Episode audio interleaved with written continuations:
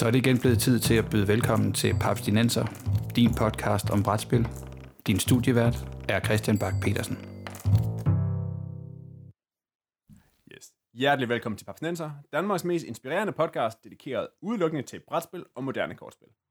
Bag podcasten der står papskubber.dk, den danske side om brætspil, fyldt med nyheder, anmeldelser, regelhjælp, artikler og anbefalinger til, hvad jeres næste brætspil kan være. Mit navn er Christian Bak petersen og med mig i Papstinenser-modulet sidder i dag Morten Greis Hej! og Peter Brix. Hej hej. Og lige om lidt, så går vi lidt i øh, meta-mode, ser på brætspil op fra, øh, fra helikopterperspektiv, og snakker om de oplevelser, der følger med brætspil. Men inden vi øh, hiver den derop, så øh, skal jeg lige høre jer. Øh, og dermed også måske lige foregribe en fremtidig episode. Jeres yndlingsspil, der kun hedder et bynavn. Bruges, Le Havre, Trieste. Hvad siger du, Peter? Må jeg snyde? Du kan da prøve at snyde dig. Suburbia. Åh, det var, ly- var det lyden af Morten, der faldt ned af stolen? Simpelthen. Det var, det var lyden af min kat, der den ikke og løb ud af rummet. Suburbia. Jeg sagde det nok. Suburbia. Suburbia. Det er jo om noget et byspil, det må man sige. Det er et byspil, og, og så vidt jeg husker, at den fiktive by, i, uh, man spiller i, hedder Suburbia. Okay, godt, godt snydt. Hvad med dig, Morten? Ja? Kan du Ja. nævne noget, der, noget, der er sjovere end Carcassonne? Ah, det tror jeg godt, jeg kan. Uh, jeg har siddet og tænkt lidt over det, og jeg vil sige Troje. Jeg kan rigtig godt lide at spille Troje. Uh, det her sådan franske middelalderby, med, hvor man uh, bygger terningpuljer op og køber terninger af hinanden og sådan nogle ting. Og sager. Altså personligt så er jeg jo ret glad for det, der hedder London. Jeg er jo sådan lidt øh, naturligt anglofil i forvejen, så øh, det passer meget godt med min, min, min brætspilstil også. Og det er jo øh, det er et, øh, Martin Wallace-spil, ham kan jeg jo også meget godt lide, som handler om, at, hvordan man øh, øh, bygger sin, øh, sin, hver sin del af London op, fra, øh, fra den brænder ned i 1666, og så op til omkring 1900. Og der kører man sådan i forskellige øh, tidsperioder, og så gælder det om, at man, man skal holde, holde øh, få kørt sin befolkning op, uden at de sviner alt for meget. For det handler meget om industrialisering. Øh, var, så vidt jeg husker, nomineret til nogle Golden Geeks og sådan noget tilbage i 2011. Et rigtig, rigtig fint spil. Ja, nice. Men som nævnt tidligere, så skal vi i dag snakke om brætspils oplevelser. Nærmere så skal vi rundt omkring de forskellige typer oplevelser, man kan have med et brætspil. Og Morten, det var dig, der bragte episoden på banen, fordi du mener, at man kan, kan eller måske skal skelne mellem oplevelser og underholdning, når det kommer til brætspil. Kan du øh, fortælle mere om det? Ja, det kan jeg godt. Uh, nu skal vi jo ikke lægge alt for definitoriske uh, hårde greb ned i mine termer oplevelsesunderholdning her. Men det, jeg netop gerne vil lidt ind på, det er, at der i stadig større omfang er kommet de her sådan, brætspil, som kan spilles et begrænset antal gange. Uh, enten fordi de simpelthen bliver brugt op, uh, så som Legacy-spillene, eller fordi man simpelthen udspiller eller får afsluttet den historie, der er, og derfor ikke har grund til at spille spillet en gang mere. Øh, så det er så Time Stories, men også øh, i mindre omfang øh, Arkham Horror, The Card Game.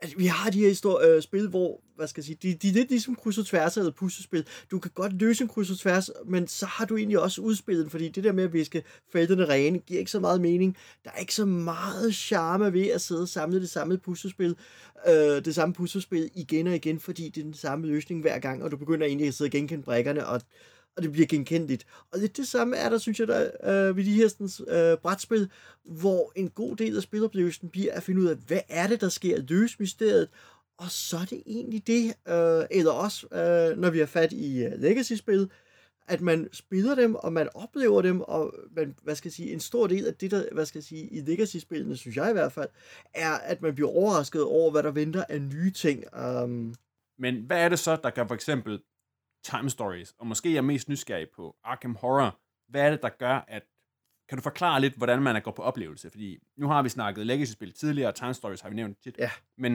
det der med et living card game, Arkham Horror, Ja. hvordan, hvordan går man på oplevelse? Det? Hvad, hvad er det for en, en feel, man får af det, som skiller, adskiller sig fra, hvis man spiller Arkham Horror brætspillet om og om igen, eller den slags? Ja, hvordan skal vi klare det? Øh, kort fortalt, så har vi med et øh, Cthulhu-baseret spil øh, fra Fantasy Flight Games at gøre. Øh, det har en titel, de har brugt før. De har også lavet et brætspil, der hedder Arkham Horror, som er et remake af en endnu ældre Arkham Horror-brætspil, Så forvirrende er det nemlig. Og i det her, der har vi de her sådan, investigators, uh, journalister, uh, detektiver og lignende, der bliver involveret i nogle sager omkring nogle kultister og summerne dæmonguder, som skal stanses fra at udgøre deres ondskab. Og når de, uh, man møder dem, så bliver man inddrevet til vanvid og slået ihjel de her ting her, fordi så frygtindgydende er de. Og i Arkham Horror The Card Game, der har hver spiller så sin, uh, sin karakter. Det kan være den hjemløse pige, det kan være detektiven, uh, det kan være journalisten osv., repræsenteret via en kortstak, som repræsenterer, uh, som rummer, hvad skal jeg sige, kort, der er deres udstyr, deres færdigheder, men også deres svagheder, deres personlighedstræk, som kan komme i vejen for dem, eller allierede. Og de kort får man lov at lægge spil løbet af spillet, og mens man bevæger sig rundt på et relativt abstrakt bræt, uh, i det alt i Arkham Horror er nemlig kort. Uh, der er også nogle par breve, men det regner vi ikke med her. Uh, de her kort kan være værelser i et, uh, i et rum, det kan være øh, kort, uh, kort kan være bygninger i en by, det kan være områder i en ødemark, og så bevæger man sig mellem dem og uh, får lov til at kigge på, hvad er der på de her kort og blive overrasket over, den drejning, historien tager, når man går ind i stuen, eller når man går over til universitetet, eller man går ned til skolen, så vender man om, og man bliver ligesom udsat for nogle begivenheder. Øh, tilsvarende, så er der en, en øh, hvad skal jeg sige, ved siden af det her sådan, øh, bræt, er der også sådan to story arcs, øh, eller sådan to øh, akt, øh, aktstykker, øh, som historien øh, forløber igennem. Den ene er spillets øh, modstand, det vil sige, det er ligesom skurkenes planer, deres aktiviteter, som skærpes i løbet af spillet, som den her timer bevæger sig igennem øh, spillet, og tilsvarende, så hver eneste gang heltene har opnået en vis mængde af af efterforskning, af opklaren af deres sager, så har de en progression øh, gennem spillet også. Og når man øh, når til visse trin, jamen, så får man lov til at vende det næste kort om og se, hvad der vender, øh, venter en. Og en del af spiloplevelsen er egentlig, at man ikke ved det endnu, at det er altså den der første gangs oplevelse at sige, hvad er der på den anden side af kortet? Hvad er det for et mysterium, jeg står overfor? Øh, og så, så det ligger op til, at der er en særlig historie at opleve. Og man kan så, så godt sætte sig ned og spille Arkham Horror en gang mere, og så ligger det lidt op til, at man prøver at gennemløbe den samme historie med forskellige personager. Det er lidt som at spille computerspil. Første gang spiller man det for også nogle gange at opleve historien, anden gang tænker man, hmm, hvad nu hvis jeg valgte at gøre noget andet her? Og det kan man også få lov til at gøre i Arkham Horror. Man kan bygge sig en anden karakter, man kan træffe nogle lidt andre valg og sige, okay, hende den mærkelige dame, der kom til os. Man kan, gøre det, man kan også Ja. Man kan måske også gøre det bedre. Også det. Kan altså, man vinde det hurtigere, eller ja, man kan sætte sig sådan nogle mål for netop at klare spillet bedre med færre konsekvenser og sådan nogle ting. Så der er den her sådan grad af, altså der, så det er ikke fordi, at den type oplevelser udelukker noget genspilbarhed, men der er en klar forskel på første gang, man spiller et Arkham Horror scenarie, og øh, om man genspiller det. Og det er, og, men det, hvad skal jeg sige, men en del af oplevelsen af de her overraskelser, så det er noget andet, end når man tager en, en, øh, et brætspil som uh, Village, eller Jorvik, eller Guilds of London og spiller det første gang, fordi der er det ikke mening så meget, at man skal blive overrasket. Der er det sådan set øh, ikke rigtig mening, at man skal blive overrasket, men der er mere bare førstegangsspilning, hvor man altid bliver sådan et, okay, når det er sådan reglerne fungerer. Men det er ikke meningen i et Arkham Horror Card Game, at man skal sidde og tænke, nå, det er sådan reglerne fungerer. Der er det mere, at man skal sige, nå, han var i virkeligheden skurken, og det er i virkeligheden nogle fæle, fæle øh, mulvarpemonstre, som er i gang med at underminere byen, eller hvad det nu er, man er op imod. Uh, underminere byen. Well done, Morten. Men hvad siger du, Peter? Øh, det er jo en del af den her legacy-bølge, som tydeligvis er, er, har, virkelig har vundet fodfæst inden for brætspil her. Hvordan har du det med et spil, der giver den her mere endelige, lukkede, sluttede oplevelse? Øhm, ja, øh, lidt ambivalent. Øhm, det kommer an på, hvilket spil vi snakker om. Øh, hvis vi tager sådan et spil som Pandemic Legacy, som vi har haft en længere spoiler-afsnit om, øh, men, men i Pandemic Legacy, yes. der synes jeg, det fungerer rigtig godt. Øh, men der er også en vis portion spilgang i. For mig har det meget at gøre med økonomien i, hvor meget betaler jeg for at få spillet det her. Øh, Pandemic Legacy, der er du garanteret 12 spilgange som minimum, hvis du er den sejeste spiller i hele verden øh, fordi man får lov til at genspille øh, mm. en måned en gang, hvis man fejler den i første forsøg. Og jeg tror, vi var oppe på en 16, 17, 18 spil. Øh, og 16, 17, 18 spil, det er meget mere, end jeg får spillet øh, det nye spil fra, fra, eller fra, øh, fra Fantasy Flight eller noget. Ja, det er good value. Jamen, det er det nemlig. Så tager vi sådan et spil som Time Stories. Der har jeg underholdning til måske to aftener. Hvis du ikke er alt for skarp. hvis jeg ikke er alt for skarp. Altså, øh, nu, vi, vi er nu på vores tredje, eller vi har lige spillet det tredje scenarie. Øh, de to første scenarier var vi ligesom øh, tre forsøg om at løse, og det sidste scenarie var vi to forsøg om at løse. Og Ja. øh, altså jeg, jeg har købt grundspillet, og så har jeg lånt Mortens udvidelser. Øh, jeg må nok være ærlig at sige, hvis jeg havde været ude og betalt fuld pris for det her, så ville jeg måske nok faktisk føle mig lidt snydt. Okay. Ja.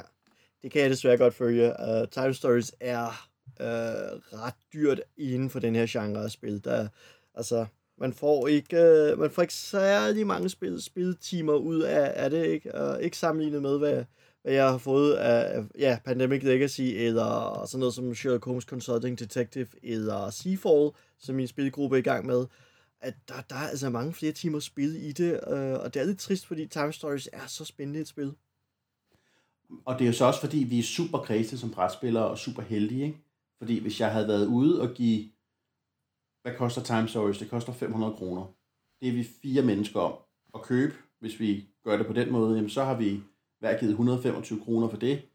Hvis jeg siger, at det tager mig cirka en time at nå igennem et forsøg, og jeg har været tre forsøg om det, tre timers underholdning for 125 kroner, det er to biografture for 125 Ja, så- kroner. så- så, så er det pludselig så er ikke ingen- dyrt. Jeg skulle sige det, og så var der ikke engang popcorn. Nej, men lige Altså præcis. til den der Altså, biograftur. så, så jeg tror også, det har, altså, min anke mod det har, har også noget at gøre med, Ja. altså, at, at, at vi, for, vi forvalter det som brætspillere. Vi er vant til, at der er noget, der koster 500 kroner, så har vi også uendelig spilletid i det, ikke? Mm. Ja, fordi altså på, netop lige øh, biograf lidt målstok er nemlig også min målstok, særligt med mange af de her oplevelsesspil, at sige, hvor meget oplevelse får jeg øh, i det her spil for den pris, kontra en, en biografbillet, øh, og så matcher dem op. Det plejer at være sådan en, en, en funktionel målstok også for mig, øh, præcis. Ja, og også en sjov målstok, ikke? fordi at det netop er mere en, en oplevelse, ligesom når man går ind og ser en film, kontra det der med at sætte, på spil, sætte det samme spil på og køre de samme regler igennem. Ikke? Så her der er der faktisk noget oplevelse, der er noget overraskelse, der er noget... Fordi man får i den her type spil, som man ikke får i almindelige spil. Ja. Derfor tænker jeg, at, at, at biografhalogien er ekstra cool i det her, eller rammende på det her tidspunkt. Ja, det er det, der inspirerede mig netop til tankegang om at skelne mellem brætspil som oplevelse og brætspil som underholdning, fordi at når jeg så hiver, øh, hvad skal vi sige, jeg hiver Orleans frem på bordet, eller Dominion, så ved jeg godt, altså så, så hygger vi os med det, og vi spiller det igen og igen, man vender tilbage til det fra... Og det er det, men det har ikke den der sådan, oplevelse, man har ikke den der med, kan jeg vide, hvad der sker nu. Men næste gang vi sætter os og spiller spiller Seafall, jamen, så er det sådan, at jeg skal altså ud til den her ø, som vi lige netop lykkedes os at finde sidste gang. Og jeg skal finde ud af, hvad pokker der er på den ø. Og jeg ved, jeg skal unlocke denne her sådan, milestone, så vi kan få lov at åbne den her æske, så jeg kan finde ud af, hvad er der nede i den æske. Øh, så det går jeg jo også nogle gange, altså nærmest og tænker, åh, jeg glæder mig faktisk til næste gang, og jeg går sådan og spekulerer på, hvad skal jeg ligge af strategi for? Skal jeg satse på at kolonisere øen? Skal jeg satse på at få unlocket den her næste milestone, så jeg kan få set nogle flere regler? Uh, der er en helt, helt anden form for oplevelse i det. Uh, også nogle gange det der med, at nogle af spillene her, der skal man rive ting i stykker. Altså, der er noget uigenkaldeligt med dem. Ikke? Altså, man, det er sådan lidt, det her får jeg aldrig lov til at gøre om. Altså, det har også uh, en helt særlig konsekvens. Ja. Men det synes jeg også, det er min fornemmelse, da vi, har, da vi spillede Pandemic Legacy, det der med, at der er den der dedikation til, altså, der er rigtig mange spil, som jeg faktisk godt gad spille 12 gange på et år.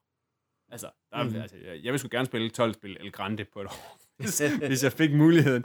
Men på en eller anden måde, så bliver motivationen, fordi der er den her oplevelse indbygget, den bliver altså også større for, for nogen, når man nu skal være lidt selektiv blandt de mange gode spil, man har, at så er det da en ekstra motivationsfaktor at sige, netop at vi siger, det kribler lidt i fingrene i at komme videre i historien. Mm. Men nu snakker vi lige El Grande sådan noget. Tænker I, har I nogle gange følelsen af, at der ryger lidt af det sjove, når man netop ikke kan blive bedre? Fordi det er også noget af det fede, det der med at lige at kunne tage en rematch, eller sige, ah, der var en fed taktik, den vil jeg gerne prøve på en anden måde. Er det, ikke, det er ikke sådan noget, I savner i de her spil, eller er I så meget delt op i den ene type og den anden type? Uh, det, Altså, det, det er ikke noget, jeg har lagt mærke til, jeg savner. Øh, hvis vi tager sådan noget som, som Mortens eksempel med, med Arkham Horror kortspillet, der, der synes jeg, der er meget mere spil i, i, mit, altså i, hvad jeg har valgt, der skal være i mit dæk, hvad min karakter skal have af kort, som gør, at jeg godt kan spille den samme mission to gange. Øh, Så, så der, der savner jeg det ikke. Der er jeg måske lidt uenig med Mortens kritik af lige det spil. Men, men ellers nej, jeg, jeg savner faktisk ikke at gå tilbage og spille første mission af Time Stories en gang til. Nej, øh, altså netop, øh, hvad skal jeg sige, spil som Time Stories, og, eller Sherlock Holmes Consulting Detective spil, og Mythos Tales, og så videre, der synes jeg ofte, at, at man kan bære noget af sin erfaring videre fra et spil til et andet og sige, det kan godt være, det er en ny sag, men vi ved, at de her scenarier typisk er struktureret sådan her. Så hvis vi nu bruger den viden til at prøve at dobbelttænke deres designvalg, så kan vi altså regne ud, at det er sådan her, vi bør gøre, kontra sådan her. Så, så på den måde, øh, så, så er der en, en måde at føre det videre på, øh, som gør, som netop, hvad skal jeg sige, opvejer for, at man kan ikke gå tilbage, så, ja, som i andre spil, øh, og prøve øh, en ny strategi af. Øh, der er ikke den her genspilsmulighed eller refleksion over det, så vil jeg godt gøre det her om. Øh, og det, det har jeg det fint med i nogle spil, øh, fordi det hænger fint sammen i Time Stories. Pandemic, der, er, der gentager spillet sig nok til, at jeg alligevel, hvad skal jeg sige, der så sad vi ofte og tænkte, okay, nu har vi tidligere set spillet gøre sådan her, så timer vi det lidt med et team, der er sat sådan her sammen til at spille videre på. Og så er der andre spil, som Seafall, hvor det er sådan, spillet øh, ændrer sig, og det ændrer sig tilpas meget til, at vi ikke helt ved, hvad der er, der foregår. Så er det i starten, hvor sådan lidt, hmm, hvad er det her, der foregår nu, og hvad er det, der foregår nu? Hvor det næsten, altså, der, der kommer det Christians kritik ind og bliver lidt relevant, fordi i Seafall var sådan, det, du får ikke lov at gøre ting om, men du ved heller ikke, hvad det er, der foregår, og derfor har du meget svært ved at sige, hvad skal jeg spille efter? Øh, fordi man sidder egentlig og spiller lidt i blinde og tænker, kan jeg vide, om det er en god strategi? Det finder ud af, men næste gang, så har visse reglerne ændret sig, og så var det noget andet, jeg skulle fokusere på alligevel. Uh... Ja, så kaster, så kaster uh, spillet lige en, uh, en, en skæv bold der. Ja. Okay. Jeg tænker, nu nævner du Seafall. Der, det er jo, det er jo et, et legacy-spil, men man spiller ikke sammen, ligesom man gør i Pandemic. Og det gør man jo heller ikke i uh, legacy-spil som Risk.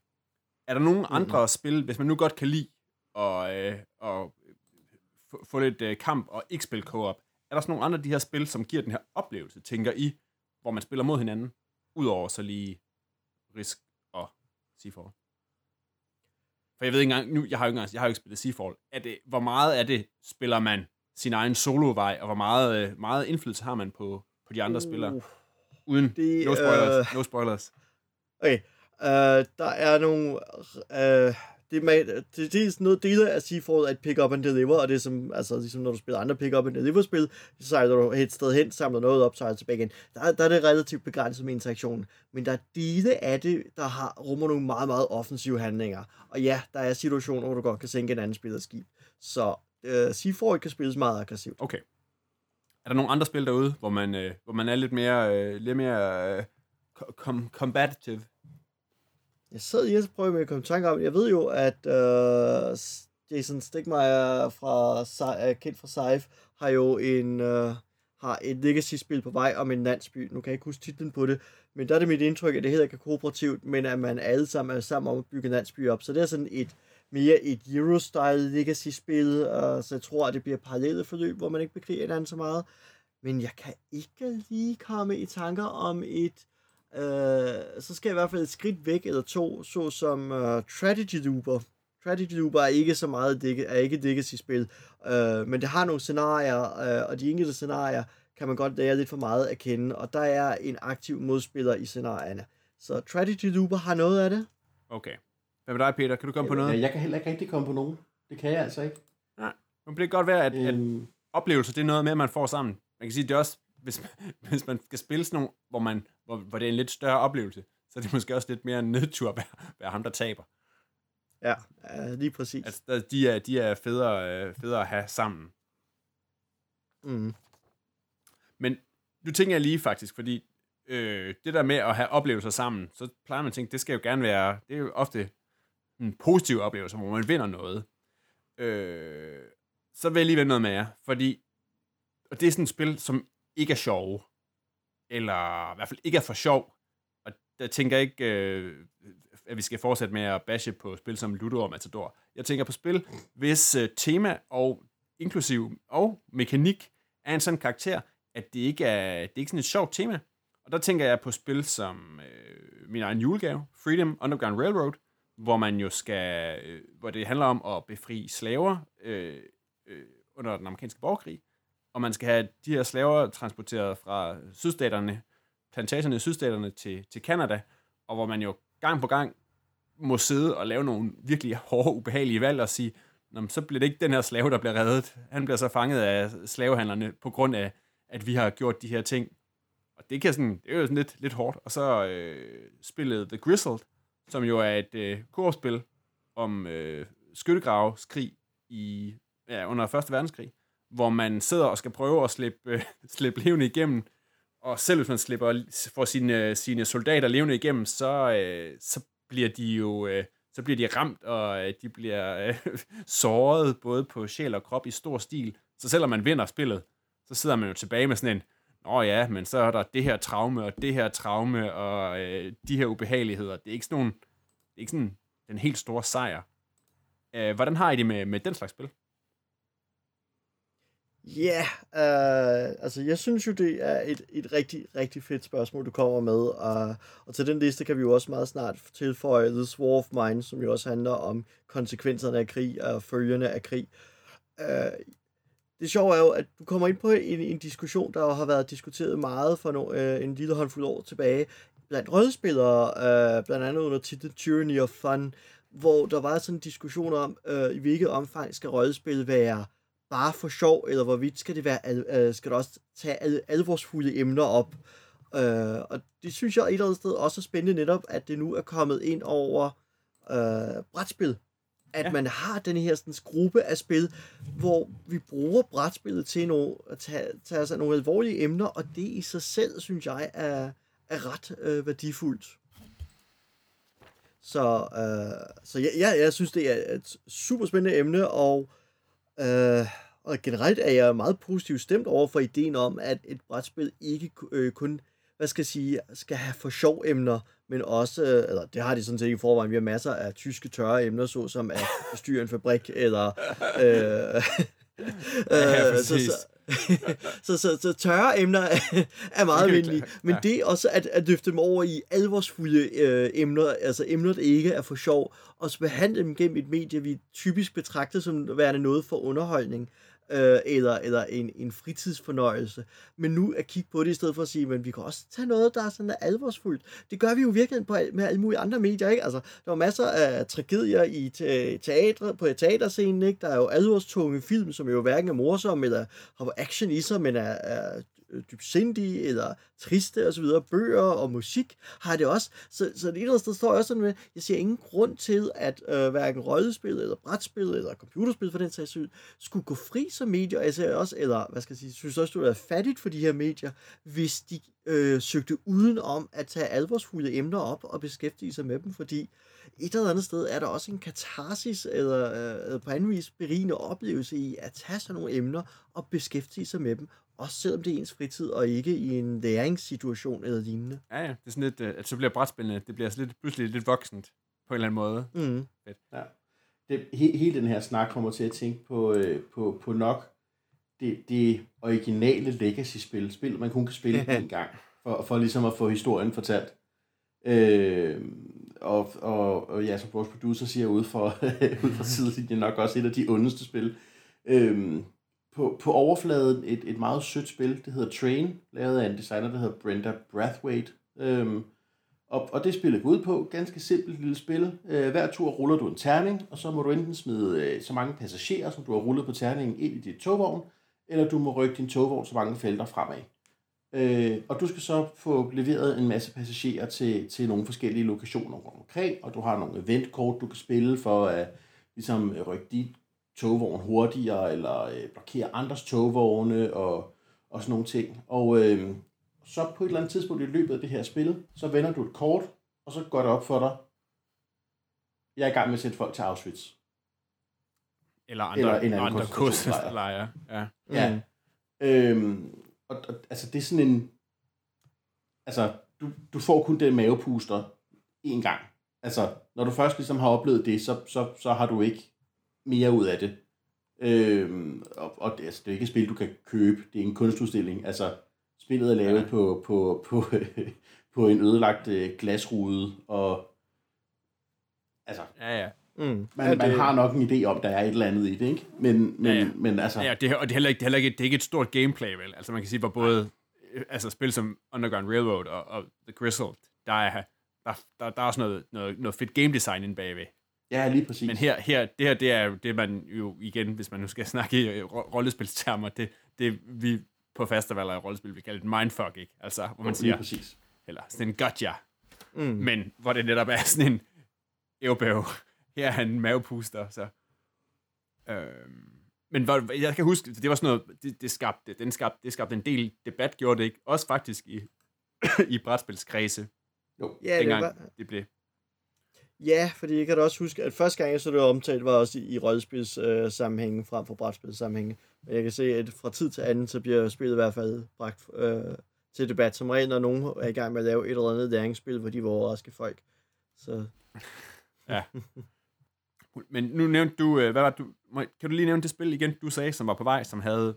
This War of Mine, uh, brætspilsversion af et computerspil, uh, kooperativt, uh, story-driven type, hvor man er en gruppe mennesker, der bor i en krigshavet by, øh, og skal forholde sig til, hvad man gør, når der kommer nogle folk og banker på en dør og tækker mad, eller...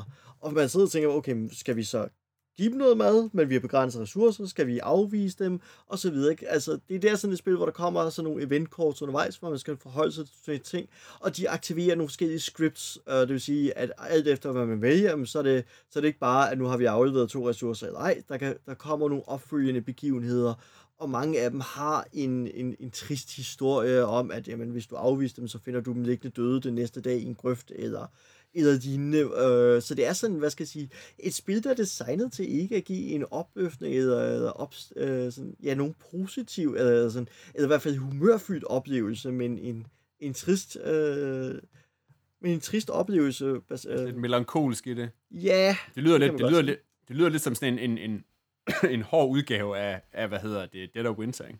jo, det, øh, det kan man roligt sige, og så uden øh, de fantastiske elementer til at sløre det hele. Så hvis man Ja, fjernede præcis. zombierne, øh, og nu bare spillede med banditter alene, så, så ville vi begynde at nærme os øh, noget af det der. Jeg har spillet uh, computerspilsudgaven af, af This War of Mine.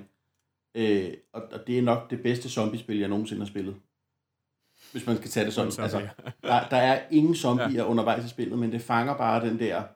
Jamen altså, den der verden, man ser i zombiespil, som, som Morten siger, bare uden det fantastiske. Så det er bare forfærdelighed, og øh, hvis mig og mit barn skal overleve, jamen så bliver jeg nødt til at stjæle mad fra den familie, der bor ved siden af. Velvidende, at det gør de så nok ikke, altså overlever.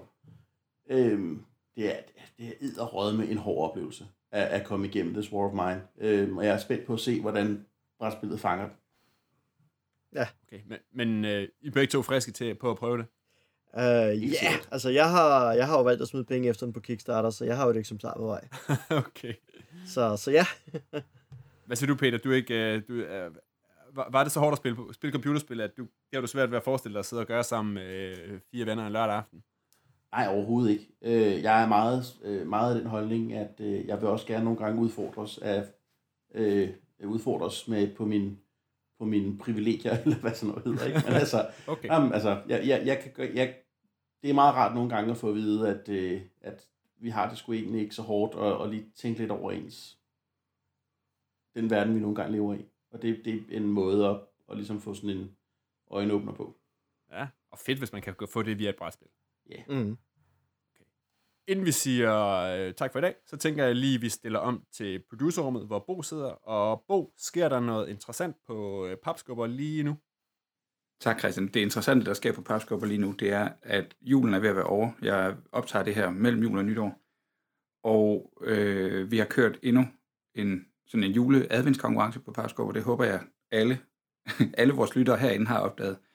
Men en konkurrence, som øh, er en lodtrækningskonkurrence i bund og grund på Facebook, hvor folk kan skrive en kommentar og i, i rigtig vidt omfang tagge folk, de godt kunne tænke sig at spille forskellige brætspil med. Og det har været en, igen i år må jeg sige, været en, en forrygende succes. Klap mig selv på skulderen. Men øh, langt over 40.000 mennesker, der har øh, været i berøring med de her konkurrencer. Rigtig, rigtig mange tusind har deltaget, altså direkte været til øh, været, været, haft deres navn i, i lodtrækningshatten. Og jeg er nødt til at komme med et dybtfølt tak til Spilbræt, øh, Asmodi og Norske Games for at have stillet nogle af de her præmier til rådighed, som, øh, som vi ligesom lodder videre. Tanken med det hele, det er selvfølgelig ikke, at øh, hardcore brætspillere får sig et nyt hardcore brætspil, de kan stille hjem på hylden. Det, øh, det er måske reelt også det, der sker. Men at øh, ved at vi kører det som en øh, social media event, at der er altså over 50.000 mennesker måske, der, har, der lige har fået et prik, der lige har fået et navn, der, hvor de her konkurrencer lige er dukket op i deres, øh, i deres Facebook-feed i løbet af december måned, hvor vi ved, at der selvfølgelig er langt, langt den største gave, øh, altså brætspils øh, gavehandel på hele året. Så det, at vi har kunne prikke til så mange mennesker, lige huske, at det er, det lyder forkert at sige, husk lige på, at det er mørkt udenfor, nu vil være et godt tidspunkt at spille brætspil på. Det har de fleste nok fanget. Men et kæmpe stort tak øh, herfra, og lurer mig om ikke vi gør det hele igen næste år. Øh, godt nytår til alle vores lyttere herfra, og vi fortsætter ufortrødent. Tak skal du have, Bo. Og med det så er vi nået til enden af denne episode af Papsnenser. Vi har snakket øh, spiloplevelser og oplevelsestyper, og øh, der er links til de spil, vi har nævnt på www.papskubber.dk-podcast. Hvis du har input eller indspark til udsendelsen, eller forslag til spil, vi bør runde, eller gode bud på andre fede, men usjove spil, så send os en mail på papsnenser Det var alt for den gang. Sammen med mig i Papsnensers øh, studie sad Morten Greis og Peter Brix. Papsnenser er produceret af Bo Jørgensen og Christian Beckmann. Jeg hedder Christian Bak petersen og på vegne af Papsnenser ønsker jeg jer gode og gribende spiloplevelser de næste 14 dage.